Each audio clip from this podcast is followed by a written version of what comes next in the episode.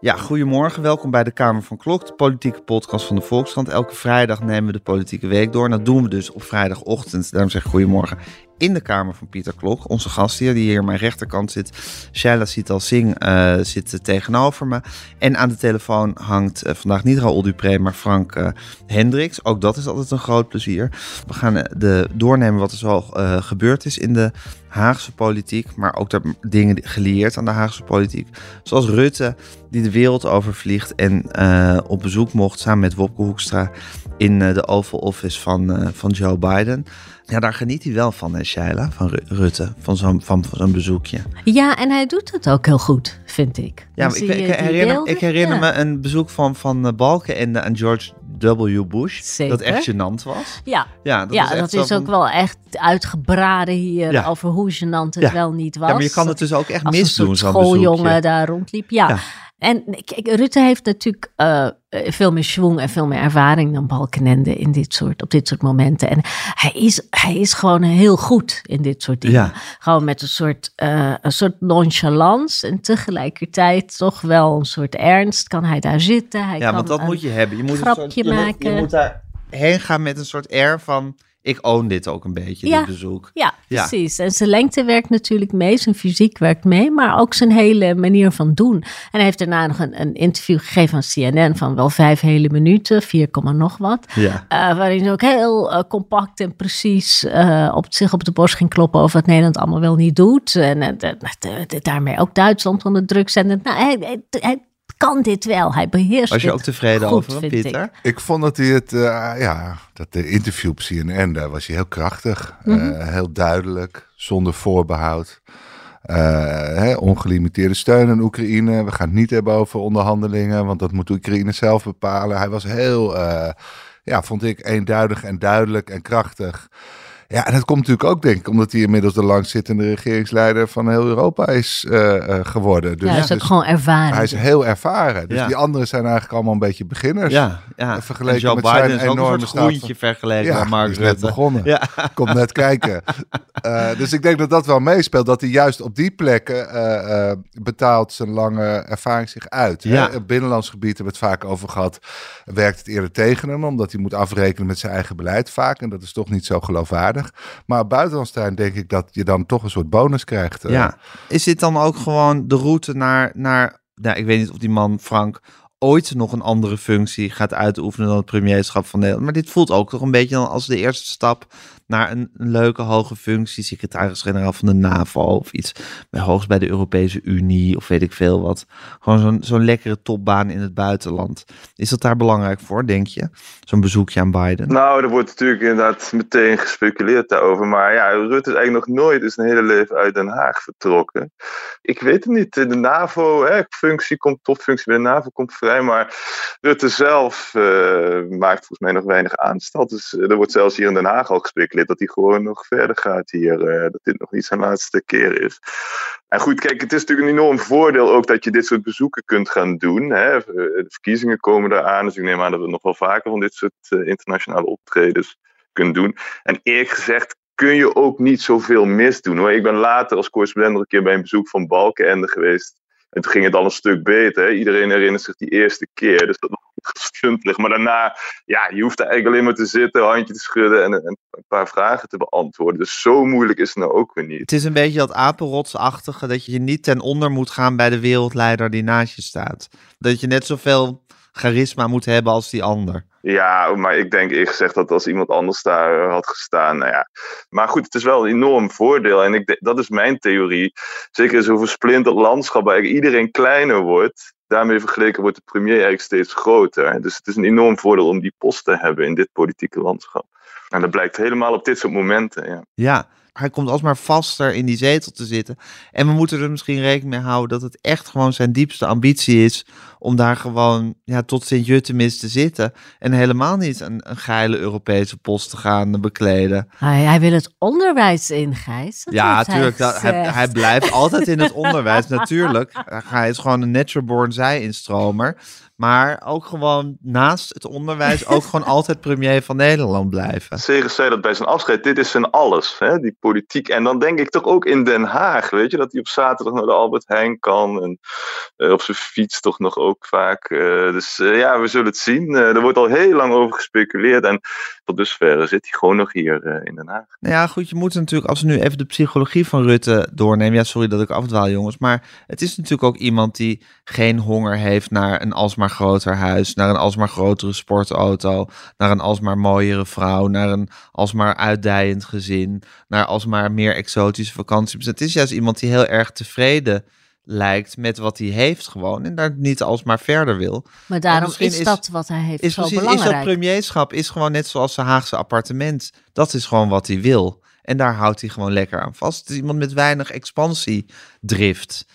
Ja, Ja. nou ook een beetje, beetje ook, ja, ergens ook een beetje angstaanjagend, Pieter. Dat we nu voor altijd aan deze man vastzitten. Nou En ja, ik vind, dat, ik vind als- die theorie van Frank van het premierschap wordt alsmaar groter naarmate de rest kleiner wordt. Ja, dat zou betekenen dat hij nog heel lang kan blijven. Ja. Want dat hij elke keer die premiersbonus kan incasseren bij elke verkiezingen. Dus Ja, Ja, nou ja, goed. We waren voor, een van de vorige keer enthousiast over zijn slavernijtoespraak. We zijn nu enthousiast over zijn opstelling in de oorlog. Dus eh, nou ja, zolang die goede dingen doet, eh, ja, eh, en verder kunnen we er niet zoveel aan doen, vrees ik. nee. Nou, we moeten ons erbij neerleggen dat dit voor eeuwig onze premier is. Nee, dat daar gaan we niet. ons helemaal niet bij neerleggen. En ondertussen moest hij ook nog iets uit Nou, het vuur dus slepen bij Biden. hè? Of Biden moest iets bij hem uit het vuur slepen. Wat vind je interessant, Pieter? Nou ja, dat, dat, eh, we hadden gisteren een toespraak van Atje Kuik, hè, de nieuwjaarstoespraak van de PvdA, die nog innige banden aangaat eh, met GroenLinks. Ja. En eigenlijk, eh, nou, we hebben het voorgaande keren ook over gehad. Ze hebben het alleen maar over macht. Ze heeft het alleen maar over macht. Hè, Rutte moet naar links of hij moet weg. Wij worden de grootste in de Eerste Kamer. Dus je ziet vanuit die hoek proberen ze echt een soort aanval op zijn premierschap te lanceren. In de vaste overtuiging dat zij straks de grootste partij worden.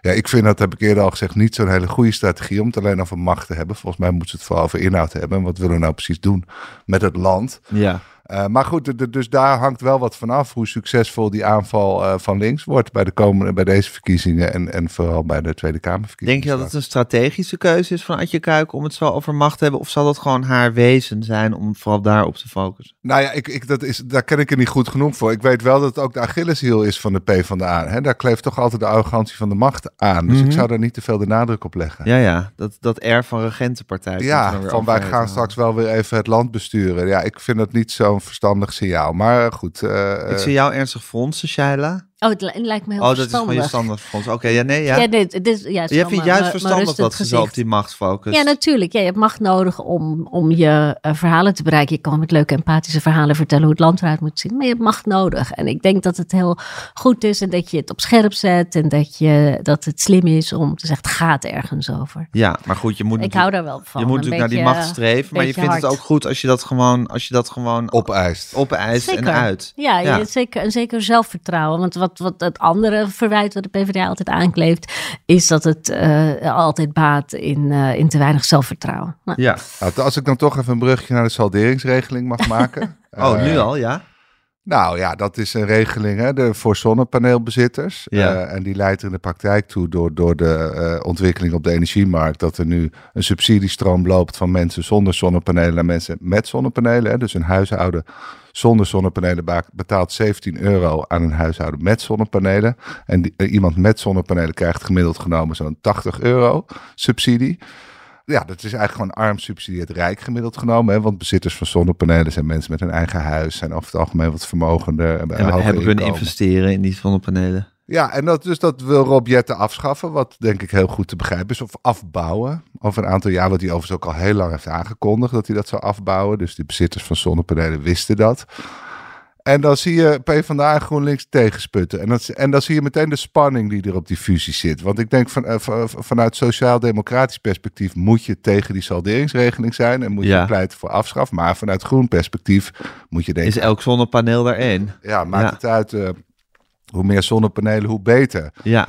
En eh, ja, ik vind dat ze in zo'n debat eigenlijk dat, dat, dat niet duidelijk genoeg verwoorden waarom ze tot hun standpunt komen. En, en of ze toch ook niet ongewenst vinden dat huurders, hè, want huurders hebben bijna nooit zonnepanelen in Nederland, dat huurders ja, deze mensen subsidiëren. Ja. Dat vind ik, daar moet je eh, toch ook iets van vinden. En zeker omdat heel veel mensen in Nederland die omarmen die groene eh, revolutie niet, omdat ze er niet van mee profiteren.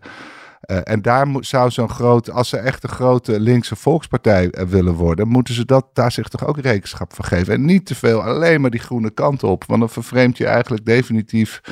Ja, maar dit is, dus, dit is je. precies het schisma wat er tussen GroenLinks en de Partij van de Arbeid Ja. is. Dus misschien is dit juist een onderwerp waarin ze inderdaad zich eerder een beetje zullen verstoppen dan dat helemaal Nou ja, ik hoop het niet. En misschien diepen. komen ze nog wel met een goed verhaal hoor. Dat ze zeggen, we willen vooral dat alle huurwoningen nu ook zonnepanelen krijgen. Dus, dus er is wel een uitweg, denk ik. Eh, maar ik zou zeggen, eh, die salderingsregeling voor huizenbezitters. Die, die zonnepanelen zijn heel lucratief. Laten we dat nog even benadrukken. Ja. Echt, echt.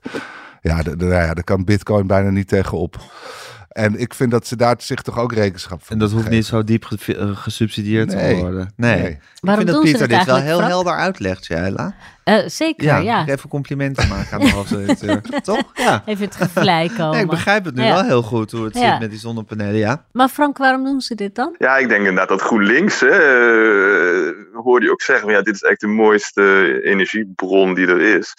Dus eh, ja, hoe meer zonnepanelen, hoe beter inderdaad. En nou ja, ik denk eerst echt dat ze er gewoon ook iets voor terug willen. Hè. Dat, ze, eh, dat geldt natuurlijk bijna voor iedere maatregel die ze steunen. Dus zij willen natuurlijk dat die woningcorporaties ook geholpen worden om te verduurzamen. eh, nog meer dan nu al gebeurt. Dus eh, ja, ik, ik ga er eerst even vanuit dat dat uiteindelijk wel afgeschaft gaat worden met steun van die eh, twee linkse partijen, maar dat ze dan nog iets voor terug willen. Nou ja, dit, dit kabinet wat er nu zit is een kabinet van huizenbezitters. Hè? Wel eerder geconstateerd. De Ja. stemmers op de partijen die de coalitie vormen. En dat is misschien wel de grote kloof die er in de samenleving Ja. is. De huizenbezitters versus de huurders. ja, en de manier waarop ze eh, zonne-energie gestimuleerd hebben is puur op huizenbezitters gericht. Want voor huurders is het helemaal niet interessant. Hè? Want als een corporatie zonnepanelen op het dak legt, moet de corporatie de investering betalen. En die, eh, die huurder incasseert dan de winst. Dus Ja. dat is best lastig, want de, de, de corporatie kan volgens niet zomaar de huren verhogen. Eh, dus dat loopt nu spaak. Dus ze hebben al jarenlang een regeling overeind gehouden die eigenlijk ertoe leidt dat huizenbezitters bij de groene revolutie eh, de grote profiteurs zijn en huurders en anderen totaal niet. Nou, en, en ik mag toch hopen dat die GroenLinks PvdA-fusie ertoe leidt dat de belangen van huurders weer veel beter behartigd worden de komende jaren. Want dat is een traditionele groep die hoort bij de sociaaldemocratie. De- Al die wethouders die al die eh, huizen hebben gebouwd, eh, uitbreidingsplannen, dat is sociaaldemocratie. Ja. Daar moeten ze op staan. Eh, dus nou ja, dat- laten we daarop hopen. Dat ze dat echt, eh, echt ook veel duidelijker gaan uitstralen. En, en, en dan vind ik dus eigenlijk dat je toch moet zeggen... ja, wij willen ook van die salderingsregeling af... want wij zien dat daar vooral huizenbezitters zijn die daarvan Maar, maar is, is het niet juist zo dat ze zich, dat ze zich nu eh, verzetten, juist om er iets uit te kunnen slepen voor woningcorporaties? Is het niet dat ze, dit juist, dat ze juist die regeling in stand proberen te houden Nee, en want te proberen te Helaas niet, want GroenLinks, het GroenLinks geluid is... ja, maar dit is toch een heel succesvolle regeling... en Ja. laten we blij zijn dat er overal zonnepanelen op het dak liggen. En ik vind dat je daarbij moet zeggen... ja, dit is deels een succesvolle regeling... maar vanuit de herverdeling is het een een zeer onsuccesvolle regeling... want dit heeft, tot, heeft de ongelijkheid verder vergroot. Wel interessant, hè? Interessant dat er nu net zo'n affaire speelt waar precies waar, waar GroenLinks en de Partij van de Arbeid elkaar eigenlijk niet vinden op natuurlijke wijze, eh, dan nu zo speelt. Ja, Ja. Nou, dus, ik ben, dus ik vind het wel een beetje een lakmoesproef hoe ze hieruit gaan komen. Ja, en wat je dus van Adje Kuiken vooral nu ziet, is dat ze dan over macht zitten bazen, terwijl je denkt van, heb het nou over nou ja, inhoud. daar kan je dus verschillend over oordelen. Ja, Eh, misschien ja heeft gelijk. is heel anders. Oh, heel lang. Maar we kwamen hier op vanwege Rutte en hoe hij aan zijn, aan zijn zetel vastgeplakt zit en dat dat vast nog even zo blijft. En, maar wat ik ook nog even wou bespreken is dat Biden, die ha- had, die had iets, die wilde iets loskrijgen bij Rutte, namelijk iets met ASML. Wat, dat ASML is natuurlijk wel woest fascinerend. Dat draait dit hele land om, zo langzamerhand ongeveer. En Ja. China. En de, en de hele wereld. En dus ook de Chinese economie. Ja, Ja, ja. zeker. Maar wat Ja. moest Rutte toezeggen? Nou ja, ASML eh, maakt chipmachines waarmee je chips kunt maken. En eh, ja, dat, de, de angst, eh, zeker in de Verenigde Staten, is eh, dat China die machines gebruikt om heel veel chips te maken. En daarmee een soort voorsprong te nemen op het gebied van informatietechnologie. Een En, soort chipsmonopolie krijgt. Nou ja, dat ze in Nou ieder ja, geval... en ze ook militair inzetten. Precies, het draagt allemaal bij aan de machtspositie, Ja. ook de militaire machtspositie van China. Ja. Dat is het. En, en Amerika is daar zeer huiverig voor. Die zegt, jongens, dit is ook dit is de nieuwe wapenwetloop. Die gaat niet meer om eh, eh, kernraketten. Wie Nee. heeft de meeste kernraketten, maar wie heeft de meeste informatietechnologie. En vanuit die optiek eh, moet je dus ook goed nadenken of je als ASML wel die machines aan China wil leveren. En eh, de, de, ASML heeft al toegezegd dat ze de allermodernste machines niet meer leveren. En nu wil Amerika ook dat ze de iets eh, de, de Minder eerdere moderne. generatie en machines, ja, dat ze daar ook mee stoppen. Ja. En het is een hele interessante discussie, want Nederland is natuurlijk, eh, net als de rest van de wereld, echt, echt de afgelopen jaar doordrongen eh, geraakt van de globalisering. En, en je moet handel zoveel mogelijk vrijlaten, want uiteindelijk is dat voor iedereen beter. Nou ja, sinds de oorlog in Oekraïne eh, zijn we daar heel anders over gaan nadenken. Hè? Sinds we het hebben geconstateerd dat jarenlang gas kopen in Rusland was na de hand toch niet zo'n heel goed idee, want daarmee hebben we bijgedragen aan de machtspositie van Ja. Poetin. Dus nu moeten we ook nadenken, eh, dragen we met sommige handel bij aan de machtspositie van eh, Xi? Ja. En eh, het, het, het jammer is eigenlijk, en dat heeft Arnold Brouwers ook meermaals opgeschreven, is, is dat we nu het denken daarover aan Amerika overlaten. Hè? Dus, en, en dan zegt Amerika, ja, dat, wij willen dat niet. En dan zeggen we, oh lastig, lastig, want wij zijn nog steeds voor vrijhandel. Nou ja, hè, kijken of we een compromis kunnen smeden. Maar je zou natuurlijk hopen dat Nederland ook Zelf daar een moreel Europa heeft. samenwerkt met Europa, dat we hier zelf een soort st- strategie op ontwikkelen. Ja. En dat je gewoon zelf besluit eh, en zegt tegen ASML, jongens, sorry, dit willen we niet meer. Ja, Shaila, ik vind Rutte hier niet het type om nou daar hier een hele erg soort visionaire mening over te hebben. Nee, maar Rutte heeft nergens echt een hele visionaire Daarom. mening over. Maar eh, de kentering in het denken is al ingezet. We hadden een paar jaar geleden zo'n China-notitie van hoe moet Nederland zich verhouden tot China. Nou, dat ging, er- daar stond vooral allemaal dingen in eh, waaruit China vooral niet moest opmaken dat we enig, op enigerlei wijze eh, iets zouden zeggen wat hun boos zou maken. Maar dat is, dat is wel snel aan het veranderen. We hebben nu die ehm, VVD in het Europees Parlement is al begonnen met te ageren tegen ehm, overnames. Je hebt Xperia, dat is, heeft de Chinese eigenaar. Dat wil nu een, een bedrijfje, dat wilde een bedrijfje in, eh, uit Delft, een start-up overnemen. Die hele eenvoudige chips maken, batterijchips. Nee, dat begint de, de VVD van het Europarlement begon daar al lawaai over te maken. Dus er, er is ook binnen eh, regeringspartijen en binnen partijen die van oudsher staan voor. eh, eh, eh, ja, we gaan eh, eh, gewoon totale vrijhandel. En we Ja, gaan ervan uit dat iedereen is- even aardig is. Is dat is dat. dat ehm, dat hele discours is wel heel snel aan het draaien. En, en Rutte loopt nooit voorop in dat soort dingen. Die wacht gewoon, die kijkt hoe, hoe de wind waait. En die gaat dan op een gegeven moment een positie innemen. Ja, en dat is nu, nu langzaam maar zeker aan het doen. Is een beetje, die draai begint hij een beetje te maken. Heel voorzichtig. Ja. ASML heeft nog nergens, de- nog niet, ASML heeft nog geen last van de Nederlandse En laat, laat ASML zichzelf hier eigenlijk over horen. Hebben die, Niet- hebben die hier een positie in, in, dit, in deze hele discussie? Niet publiekelijk. Ja. Ja, die willen volgens mij gewoon handel blijven drijven, toch? Of gecompenseerd worden. Maar volgens mij staan zij op het standpunt dat het geen gevaar vormt, die export van die eh, oude. Ja, het zijn natuurlijk niet, geen ouderwetse machines, maar wel oudere machines. ja, het is Ja. Een, een technologie van hiervoor. En je zag er ook dat Mickey Adriaans eh, van EZK eigenlijk ook deze week zei: van, ja, we blijven wel handel drijven. En, eh, volgens mij is er ook tussen die ministeries, hè, EZK denkt natuurlijk heel vaak aan de bedrijfsmatige belangen. eh, en dan buitenlandse zaken wellicht, wellicht meer op dat standpunt van ja, wat heeft dit te betekenen voor de positie van China. Dus dat is, is volgens mij ook eh, gewoon binnen die tussen die ministeries ook verdeeldheid over. Nou ja, en in bredere zin, hè, het, in het bedrijfsleven begint men zich onveiliger te voelen. Ehm, de- het- tot dusver was het altijd zo, als eh, VVD, CDA een beetje in de regeringszetel zaten, dan zat je wel goed als Ja. bedrijfsleven. En dat is al een hele tijd niet meer zo. Nee. We hebben het gehad met die afschaffing van die dividendbelasting, die Shell en Unilever nog wel even zouden regelen via torentje en wat eh, nou ja, is getorpedeerd. Eh, je ziet nu, eh, er komt nieuwe wetgeving aan die bedrijven mede verantwoordelijkheid, voor, eh, verantwoordelijkheid geeft voor wat er in hun keten gebeurt. Als er ergens mensenrechten worden overtreden of wat dan ook, dan kun je daar een spraak voor worden gesteld. Nou, we hebben de topman van Boskalis gehad, die daar niet zo lang geleden openlijk zijn beklag over deed in het FD. Die man kreeg veel hoon over zich heen, maar ik denk dat hij wel een essentieel punt aanraakt. Namelijk dat het bedrijfsleven hier zich niet automatisch meer ehm, juridisch zeker voelt staan in kunnen wij nog handel drijven zoals we dat altijd al deden. En kunnen we wel op de VVD en dan kunnen we wel op het CDA aan. Ja, Dat is wel zeker. interessant. Ja, maar de verhoudingen in de wereld zijn dus ook zo dat dit Ja, automatisme... dat ze daartoe gedwongen beetje- worden. Dat ja. ze daartoe gedwongen worden. Ja, de positie moeten innemen. Ten opzichte van Rusland hebben we dat natuurlijk al moeten doen. En nu ten opzichte van China. Zeker. Dat wordt steeds eh ja. dwingend. ja. Er staat wel een land klaar om iedereen met open armen te ontvangen. Hè? Dus eh, als Boskalis weg wil, dan kunnen ze zo naar Londen. Eh, want eh, Groot-Brittannië wil natuurlijk na de brexit zoveel mogelijk bedrijven naartoe lokken. Nou, dat zie je meer discussies. Dat, dat, ja, ja. ja, het schijnt nu ook, eh, de, de, daar schrijft Mark Peperkorn morgen een stuk over, dat, dat de, de zorg is dat bijvoorbeeld doordat eh, de, de prijsplafond voor energie die ze in Europa zijn overeengekomen, dat heel veel energiehandelaren ook naar Londen gaan. Ja.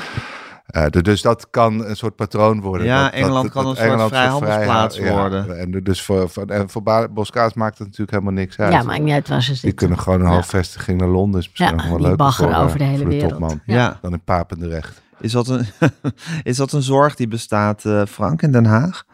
Dat het gewoon allemaal naar Engeland gaat lekken? Nou ja, dat zeker die hoofdkantoren verdwijnen. Hè. Ik bedoel, het was natuurlijk lang iets wat eh, Rutte tot in zijn vezels eh, geloofde. Dat dat het heel belangrijk was. Dat we geen België moesten worden. Dat was een schrikbeeld. Want uit België zijn dus al die hoofdkantoren vertrokken.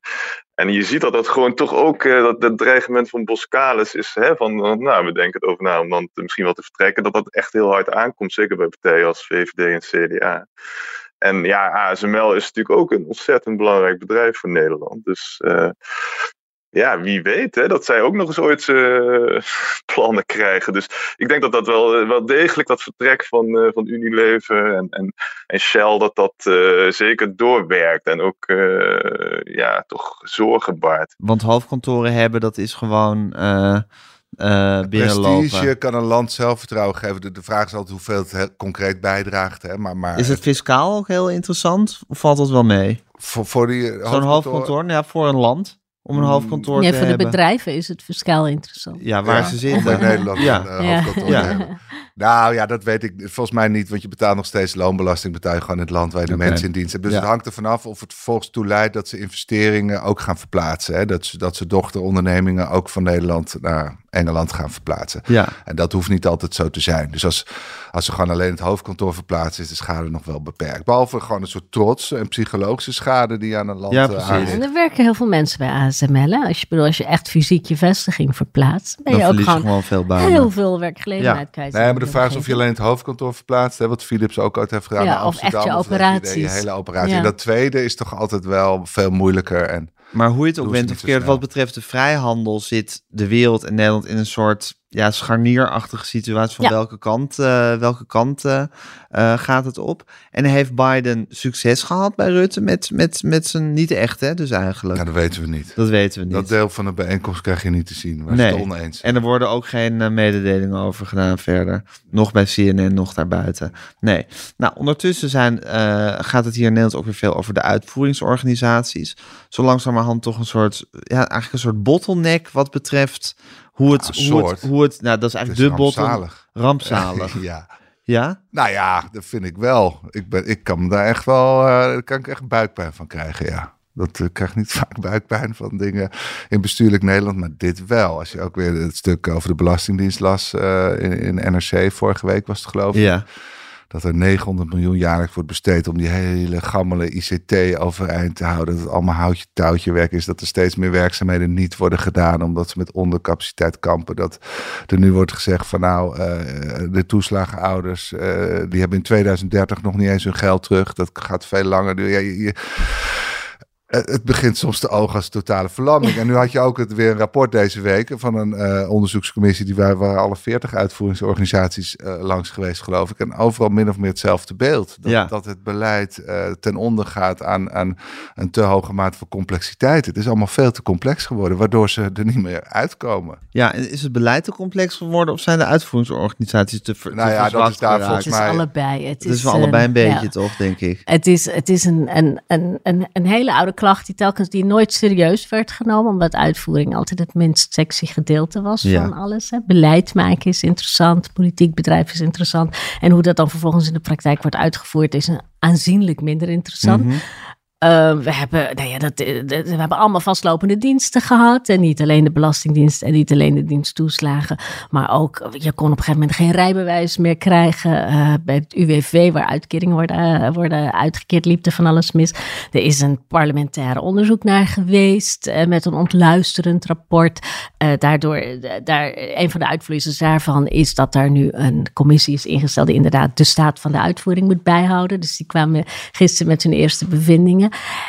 En het komt door compromissen. Dus, mhm. dus iemand bedenkt iets en dat moet dan, uh, dat, dat is een goed plan. Maar vervolgens gaat de hele politiek zich ermee bemoeien en moet er van alles uh, aan veranderd worden. En komt er vervolgens een soort gedrocht uit. Dat wordt dan voorgelegd aan zo'n uitvoeringsorganisatie van kunnen jullie dat doen? Die zeggen nee, absoluut niet. Ja. Maar dan moet iemand dat aan de minister gaan vertellen van ja, ze kunnen dit absoluut niet uitvoeren. Maar niemand durft dat aan de minister te vertellen. Dus op een gegeven moment komt dat dan een soort witgewassen terug bij de minister van nou ja, het kan wel als je ze drie computers geeft. Ja. En dan krijgen ze vervolgens één computer. Dus het, loopt van alle kanten uh, uh, mis. En dat, dat, dat rapport die staat van de uitvoering zat vol met ook allerlei voorbeelden van hoe ingewikkeld we dingen hebben gemaakt. Ook voor burgers. Als jij een alleenstaande ouder bent met twee schoolgaande kinderen en je werkt part-time. Uh, dan heb je, en je hebt, en je krijgt een, en je hebt een deel, en, en je zit dus op, op, op zeg maar minimuminkomen. Dan heb je iets van 18 verschillende regelingen waar je mee te maken hebt. Van toeslagen uh, tot, uh, tot tegemoetkomingen, tot subsidies, tot uh, belastingen, dingen die je weer moet terugvragen. En met, met heel veel verschillende instanties. En als je dat niet snapt en niet begrijpt, dan loop je vast. En Ja. dat gebeurt voortdurend, dat gebeurt de hele tijd. Ja. Maar het gewoon ongelooflijk complex Ja. is gemaakt. En er is bezuinigd op uitvoeringsorganisaties, want niet sexy. Dus daar wordt altijd als eerste op bezuinigd. Dus er werken te weinig mensen, er is te weinig Precies. Expertise en er zijn te weinig computers. En het ja. zijn die gedrochtelijke wetten en regels. Ja, die er en, en, en, en, en dingen die nog op floppy staan. eh, ja. Frank, is dit nou een. Jij hebt, meer, jij hebt meer delen van de wereld gezien. Is het nou een Nederlandse ziekte? Of is dit gewoon overal aan de hand? ja, eh, dat vind ik wel een moeilijke vraag. Nou, wat ik zelf eerlijk gezegd meer zie, is dat het eh, zo'n slingerbeweging is. Want dit rapport is nu geschreven door allerlei ambtenaren, hè, zaten in die adviesraad. En je ziet toch wat eigenlijk gebeurd is, er is bezuinigd op die uitvoeringsorganisaties. En de manier om dat op te lossen voor die uitvoeringsorganisaties was om taken binnen te halen. Bijvoorbeeld die hele toeslagenstelsel, daar is om gevochten. De Sociale Verzekeringsbank wilde dat doen. Uiteindelijk won de Belastingdienst. En dat deden ze natuurlijk van, eh, ja, wij willen extra werk, want we hoeven geen niveau niet te bezuinigen. Eh, maar dan ben je dus ook niet geneigd om te zeggen, ja, dit is wel heel moeilijk en ingewikkeld. Dus eh, hè, daarna, de SVB die verloor dat dus. De Sociale Verzekeringsbank, die zijn toen de PGB gaan binnenhalen als taak. En gingen daar ook bijna onderdoor. ja, PGB is echt een gruwel. Ja. Ja, is een gruwel. Maar dat is ook wel heel interessant, want dat is een beetje wat we nu eigenlijk wel breder zien. PGB werd een totale mislukking. Maar daarna zijn ze dus helemaal doorgeslagen naar de andere kant. Er moest dus een nieuw systeem komen. Maar toen werd het zorgvuldigheid gaat voor snelheid, was toen het eh, devies. En sindsdien gaat dat zo verschrikkelijk langzaam. Er gebeurt eigenlijk niks meer. Het kost handenvol met geld. En die uitvoeringorganisatie, de Sociale Verzekeringsbank in dit geval, zegt tijd: nee, we moeten nog wachten, we moeten nog uitstellen, we moeten nog meer eh, investeren. En dat zie je natuurlijk nu in de politiek ook gebeuren. Van als je iets niet wil eigenlijk, hè, dan kun je best zeggen: ja, het is niet uitvoerbaar. Want dat is eigenlijk een heel goed argument geworden. En dat zag je natuurlijk afgelopen jaar ook bij, die koop, bij het koopkrachtherstel. Hè. Het kabinet wilde er eigenlijk niet aan om nog meer maatregelen te nemen. Was de hele tijd het verhaal. Het is niet uitvoerbaar. Er werd ook een hele lange brief over geschreven. Nee, het kan allemaal niet. En uiteindelijk toen de druk te groot werd, bleek het toch te kunnen met hè, dat prijsplafond en dergelijke. Dus ja, je, bent- soms denk je ook wel eens van, ja, slaan we nu niet straks door naar de andere kant? Dat we, dat we ja, onder het mom van de uitvoerbaarheid moet zorgvuldig gebeuren en eh, wel overwogen dat we dan eh, ja, misschien te weinig gaan doen. Ja, maar Frank, het is toch, het is toch wel een feit dat die, dat, die, dat die wetten en de regels dus vrij gedrochtachtige vormen aannemen. En dat die uitvoeringsorganisaties het heel erg moeilijk hebben en, en net onderbemand zijn en met een oude computer moeten werken. En er wordt niks gedaan met signalen. Hè? We hebben vandaag een heel interessant eh, interview in de krant op pagina 3 van een jurist. Die is vertrokken bij de IND, bij de uh, Immigratie- en Naturalisatiedienst. Uh, waarom is hij vertrokken? Omdat er moest een deal komen over uh, asiel. Ja. Um, daar zat een element in waarvan meteen al ook in de uitvoeringsorganisatie is gezegd: ja, dit is juridisch niet houdbaar over gezinshereniging. Maar dat moest er politiek komen. Mhm. Er was nu eenmaal een politiek compromis. En iedereen wist: je gaat dit verliezen bij de rechter. En we kunnen dit helemaal niet doen. En we kunnen het helemaal niet uitvoeren. Maar er wordt helemaal niet naar geluisterd. Nee. Het is toch ingevoerd. Nou, het kabinet is nat gegaan. Uh, nou ja, de, de, deze jongen is, is weggegaan bij de IND. En ze zei van ja, ik, ga dit, ik ga dit niet doen. Dit is ook uitvoering. Hè? Dit is dus ook um, iets bedenken omdat dat politiek goed uitkomt. Omdat dat uh, nou ja, tot, tot, tot een compromis leidt wat, wat het leuk doet in de Telegraaf. En wat van vervolgens uitvoeringsorganisaties, maar bijvoorbeeld in dit geval zelfs de rechters ook zeggen, dit kan helemaal niet. Nee. En toch niet luisteren. Signalen van, van uitvindingsorganisaties worden al jaren niet opgepikt. Nee. Als het gaat om rechtmatigheid, dat gold in de toeslagenaffaire zo. Er is een heel rapport voor donkere maand van een jurist die zei: ja, we zijn hier gewoon de wet aan het overtreden. Dat wordt uh, weggemoffeld. Maar ook hele simpele dingen van: ja, jongens, maar we krijgen dit gewoon niet ja, voor elkaar. Maar het is grappig dat jij en Frank dus eigenlijk twee totaal verschillende dingen zeggen. Want jij zegt, uh, uit, van de uit, uitvoeringsorganisaties die schreeuwen soms moord en brand. En er wordt niet naar ze geluisterd. En Frank zegt, er wordt nu juist bijna overdreven veel uh, vaak gezegd van, nou, dit is niet uitvoerbaar, dus dat kunnen we niet, dat kunnen we niet doorvoeren. Ja, maar volgens mij bedoelt Frank dat het dan als smoes wordt gebruikt ja, voor iets ik. waar je geen zin Zeker. in hebt. Ja, Ja. maar wat het door, door politici als smoes wordt gebruikt. Ja. Van bovenaf. Ja. Nou ja, en het is natuurlijk ook dat die uitvoeringsorganisaties geen risico's meer willen nemen. Hè, omdat ze natuurlijk hebben gezien wat de gevolgen zijn. En terecht. Ja. En terecht. Maar goed, op een gegeven moment wordt het dan wel zo stroog. Als je dat PGB, ja, niemand kijkt daar meer naar, maar dat heet dan PGB 2.0. Ja, dan wordt dus eindeloos vergaderd, eindeloos stuurgroepen. En er gebeurt eigenlijk heel weinig, of heel langzaam. Het zou in 2020 af zijn en het is nog steeds niet af. Het is natuurlijk zo dat het veel te complex allemaal is geworden. Hè? Ook met allerlei wetgeving, dat geldt helemaal bij dat PGB bijvoorbeeld. Maar dat heeft bijvoorbeeld ook Arno Visser, de president van de Rekenkamer, bij zijn vertrek gezegd. Van Nederland is veel te complex geworden. Dus dat klopt allemaal. Maar het wordt nu ook een soort argument om dingen niet te hoeven doen. Hè? We hebben bijvoorbeeld gisteren ook een advies gekregen van... Nou ja, ze moeten voortaan gewoon die sms en WhatsApp berichten gewoon allemaal opslaan. Hè? En nou ja, ik ben wel benieuwd. Ik denk dat daar straks het argument komt. Ja, dat is ICT. Uh, hè, als je naar de ICT kijkt, is het toch allemaal wel lastig. En, uh, maar ze hebben er natuurlijk eigenlijk geen zin in. Dus Ja, wantrouwt dat een beetje. ja, van de uitvoerbaarheid moeten de uitvoeringstoets. Hè, de uitvoeringstoets kan ook een middel zijn om dingen niet te hoeven doen. Ik zie hier toch een soort padstelling, eh, Pieter. Ik bedoel, Nou hoe- ja, wat je ook moet afvragen is, eh, krijgt elk land niet eh, de politiek en het bestuur die het verdient? Eh, komt die hele complexiteit van het beleid ook niet voort uit het feit dat wij willen dat iedereen het geld krijgt waar hij recht op heeft, en maar heel precies en niks te veel en niemand mag iets krijgen waar hij geen recht op heeft? Ja, En iedere achterban moet worden bediend. Dus- hè? precies. Dat is Dus een, een erfenis van het feit dat gedetailleerd. we zoveel En we zitten allemaal te kijken, oh, krijgt er toch niet iemand iets te veel of te weinig? Of, en, en mensen gaan ook sneller naar de rechter hè, als ze te weinig krijgen. Dat was, eh of nou over die vermogensbelasting ging.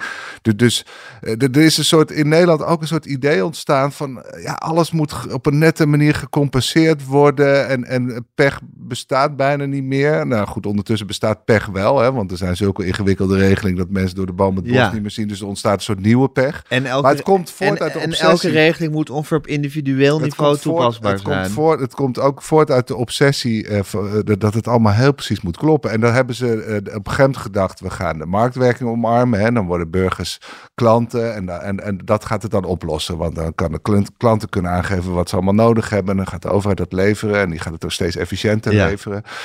Ja, en dat, dat, dat hele denken is nu helemaal vastgelopen. Maar nu staan we opnieuw voor de vraag van ja, maar hoe ga je dat, dat dan organiseren? Of moet je toch zeggen, jongens, we kunnen het niet zo op individueel niveau doen. Eh toeslagenouders, nou wat ze geprobeerd hebben in het begin, we geven ze allemaal vast 30.000 euro. Maar ja, dat, dat liep ook al snel spaak. Dus je ziet wel pogingen om het te versimpelen. Ja, Maar dat lukt dan vervolgens toch weer niet. nou, die, toeslagen, die hele niet- toeslagenaffaire is natuurlijk begonnen omdat er een paar Bulgaren, geloof ik, hadden gefraudeerd. eh Ja, en dat vinden we dan moeilijk te verdragen. Ja, precies. En, en als je zegt van ja, maar jongens, als je zoveel eh, dingen toekent, dan zitten wel eens eentje Ja, tussen die er geen recht op heeft. ja. Kom op, over tot de orde van de dag. Laten we ons om belangrijke Ja. dingen druk maken. Ja, Eh, die, die mentaliteit hebben we niet. Nee. En, en dat, ik denk dat dat ons ook dwars zit. ja. Ehm, maar ondertussen, Frank, is natuurlijk een land ongeveer onbestuurbaar als die uitvoeringsorganisaties niet, niet functioneren. Dus moet, moet, moet hier nu een master, moet er Delta werken voor de uitvoeringsorganisaties worden opgetuigd? Nou, dat lijkt, me, dat lijkt me ook heel ingewikkeld. We hebben dat ook gezien. En wie voert dat dan uit, hè? Ja. dat lijkt me ook heel complex. ja. bij, de bij de Belastingdienst hebben we natuurlijk gezien dat op een gegeven moment Hoekstra ging zich dan mee bemoeien als ex en McKinsey. Uh, nou, topman was hij geloof ik niet, maar ex-McKinsey-partner. En heeft hij die belastingdienst opgeknipt hè, in twee delen. Maar goed, dat blijkt, daardoor blijken de, de problemen alleen maar groter uh, te zijn geworden. Dus een quick fix uh, is er waarschijnlijk niet. En zeker op ICT-gebied. Want daar zit waarschijnlijk toch de grote bottleneck bij heel veel organisaties. Ja, dat kost gewoon heel veel tijd, denk ik. Ja. Daarom zeggen we ook Delta-werk. Er moet er niet een soort heel groot allesomvattend plan gemaakt worden en juist geen quick fix. er nou, kan geen herziening van het belastingstelsel komen omdat de Belastingdienst niet de capaciteit heeft om dat uit te voeren. Terwijl het belastingstelsel herzien moet worden. Ja. Dat is bijvoorbeeld een van de, van de catch-22's waarin, uh, waarin we zitten met z'n allen. En dat geldt voor heel veel dingen. Ja. Ja. Nou, toch eerst de goede diagnose stellen. Kijk, ooit hadden we Ruud Lubbers, die zei Nederland is ziek. Hè, toen, toen Nederland massaal in de WHO ja. ging. Waar die, waar die, en dat waren ook gewoon mensen die ontslagen werden. Ja, ik denk dat je moet constateren dat het bestuur echt ernstig ziek is. Ja. En, en dat je eerst heel goed gaat kijken naar wat... wat wat is de diagnose? En dat zit niet alleen in de techniek, dat zit ook niet alleen in de complexiteit van wetgeving, dat zit ook in een soort mentaliteit in het land. Waar je het net uh, over en, en, daar moet een premier of een politiek leider ook een verhaal over hebben. Jongens, dit kan niet meer. Nee. Dit kan niet meer. We gaan naar een tijd toe dat we het heel anders gaan doen. De, maar er is een dieper verhaal nodig, denk ik, eerst. En, en liefst niet naar allerlei uh, rapporten, maar gewoon een, een, een, politieke overtuiging die daar aan ten grondslag ligt. Dat iemand hier, hier het goede verhaal vertelt. En dan kan je verder. En want er, er moet echt een grote mentaliteitsverandering plaatsvinden. Wat je nu ziet, je ziet ook een soort spanning tussen de ambtenaren en de politiek ja. ontstaan. Hè? Dat, dat, zag je al bij die kwestie uh, rond Kadisha Ariep. Uh, maar aan de ene kant zeggen we nu, de ambtenaar moet een belangrijke stem krijgen, hè, want de uitvoering moet meepraten. Nou, daar, daar zijn ze zelf ook wel toe bereid. En dat, dat getuige dat interview vandaag, daar zegt een ambtenaar eigenlijk hetzelfde, hè, van luister naar ons. Ja. Uh, logische wens. Ja. Maar vervolgens, als er dan ja, als er naar je geluisterd wordt, betekent misschien ook dat je verantwoordelijkheid, verantwoording moet afleggen. En verantwoord, je neemt dus jij pleit er eigenlijk voor dat Mariette Hamer gewoon een commissie uh, begint. En dat die gewoon dus heel nee, precies ik, gaan analyseren. Nee, wat maar wat je daar al is. ziet, dat de ambtenaren wel het ene deel zeggen. Namelijk, wij willen ja. wat meer te zeggen hebben. Maar op het moment dat ze dan verantwoordelijk worden gehouden, dan duiken ze ja, weer. Hè? Want daar, daar waren ze boos over. Ja. Ze hebben een boze brief naar de politiek gezet. Ja, maar jij wil dus dat er eerst geanalyseerd van wat is precies het probleem en in hoeverre is dat ja, maar liefst gewoon door... feitelijk probleem en in hoeverre is dat een mentaliteit Ja, maar liefst gewoon niet weer extern bij Mariette Hamer. Ik, ik vind dit, dit het allerbelangrijkste opdracht van de politiek. Dus ik zou zeggen dat elke politieke leider, elke lijsttrekker moet hier diep over nadenken. Moet hier diep over gaan nadenken. Ja, maar jongens, hier heeft Cenk Willink toch ook al een heleboel ja. pagina's over afgescheiden onder het kopje nieuwe bestuurscultuur. Dus het is toch allemaal niet nieuw ja, of maar, zo? maar bij Cenk Willink, die, die, die memoreert vooral wat, alles wat er verloren is gegaan. Overigens op een hele goede manier. En die maakt heel veel duidelijk. Maar die wil dan ook weer terug naar vroeger. En ik weet niet of dat zomaar kan. Dus je moet ook nog weer uh, kijken hoe je, hoe je verder gaat. Ja. Nou goed, dus het, het, is, is een acuut probleem. Maar ik geloof dat we ook hier aan tafel niet eens tot een acute oplossing kunnen komen. Dus ja, de val zal misschien het schip wel moeten keren op een of andere manier of zoiets. Ondertussen is, heeft Gert-Jan Segers heeft nu echt de politieke arena verlaten en is, uh, is uh, opgevolgd door brievenschrijfster uh, Mirjam Bikker. die heeft het land ook ja, toegesproken via, vanaf haar keukentafel. Hoe vond je haar debuut, Frank? Ja, die brief, ja, dat is natuurlijk met, met de, met de PR-adviseurs geschreven. Die vond ik dan weer niet zo heel sterk. Maar op zich, zij maakt eigenlijk wel als Kamerlid wel een redelijk uh, goede indruk. Uh, en uh, binnen de ChristenUnie hebben ze dus ook hele hoge verwachtingen van haar. Dus ik geloof ook niet dat binnen de coalitie nou meteen hele grote zorgen zijn over de ChristenUnie um, onder haar leiding. Dat, dat, dat de ChristenUnie eens een hele radicale afslag gaat nemen onder leiding van Mirjam Nee. Ja, en zo'n brief hoort natuurlijk ook wel weer bij. Hebben ook weer een beetje iets om ons vrolijk over te maken met z'n allen. Uh, heb jij goede zin in haar, uh, in haar leiderschap, uh, Shaila? Enorm. Altijd, hè? Altijd. Alles wat er met de ChristenUnie is, dat zie je altijd met veel vreugde tegemoet. ja. ja. Op de voet ga ik ja. het volgen. Ja. ja. Ja. toch weer een nieuw... nieuw... Nou ja, ik, ik vind het heel goed, al die nieuwe gezichten. Ja. Uh, want nou ja, ik moest toch nog ook weer even denken wat Gert-Jan Segers over Alexander Pechtold vertelde. Die anekdotes en al die politieke spelletjes en zo. En, en ik heb toch het gevoel dat dat, dat profiel de Alexander Pechtols wel langzaam een beetje aan het verdwijnen zijn. De, de, de, de machtspolitici die, die dan voor de camera het een zegt en achter de schermen het ander. Zou het? Nou, Zouden die verdwijnen? Ik, zie, ik Frank? zie in Bikker en Sophie Hermans zie ik dat veel minder. Nou ja, eh, nou, Frank, denk jij, denk jij dat Pieter hier zegt dat er een nieuw, nieuw genre politici aan het, aan het ontstaan is die ineens overal eerlijk zijn? Nou, overal is Nou ja, goed, overdreven. Maar... Voor de camera en achter de camera hetzelfde zeggen. Nou, ik moet wel zeggen, ik vind mensen als, ja, als Kaag en Bikker en inderdaad eh, Hermans. eh, ja, die hebben dat minder hè, van dat theater eh, in elk geval.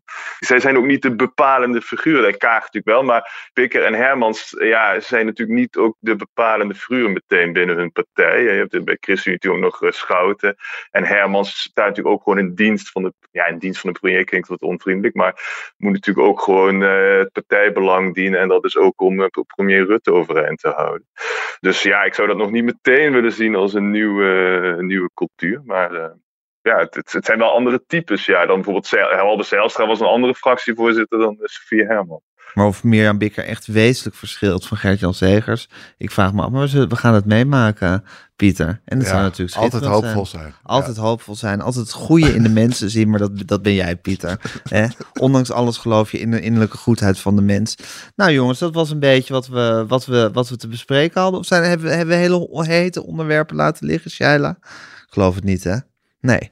Nou, dan zijn we de volgende week weer. Ik hoop dat die Provinciale Statenverkiezingen een beetje, ja, gaan leven. Dat zal misschien toch zo langzaam Nou, je wel. ziet de eerste tekenen wel. Hè. Ja, ja 21 heeft zijn programma gepresenteerd. Dus die willen duidelijk eh, het kabinet naar rechts bewegen. Ja. Eh, GroenLinks en de PvdA willen het kabinet naar links trekken. Dus de eerste, eerste Eerste frontlinie, frontlinie zijn, is al eh, geopend. En dat wordt best spannend hoe dat afloopt. En ja, op de provincie staat er wel heel veel op het spel. Want die, ja, die, die lui moeten uiteindelijk dat, dat stikstofbeleid gaan uitvoeren. En als er sommige provincies zijn, eh, nemen Overijssel, waar BBB ineens de grootste wordt. Dat wordt allemaal echt heel erg spannend. Nou, laten we dat vanaf volgende week eens even flink onder de loep gaan nemen. Wat er allemaal gebeurt in alle provincies. Voor nu dank ik jullie, Frank, Pieter en Shaila. Tegen de luisteraars zeg ik, abonneer je in godsnaam op deze podcast. Ik bedoel, wat, wat stelt je leven eigenlijk voor als je niet gewoon elke week automatisch eh, de Kamer van Klok en ook Volkskrant elke dag in je, in je podcast-app eh, ontvangt. En het is een kleine moeite. Stuur ons een mailtje, gewoon met, met ja, lucht je hart. Deel je gevoelens. eh, zeg wat je ervan vindt. Podcasts.volkskrant.nl En geef ons lekker veel sterretjes. En vooral luister volgende week weer. Tot dan.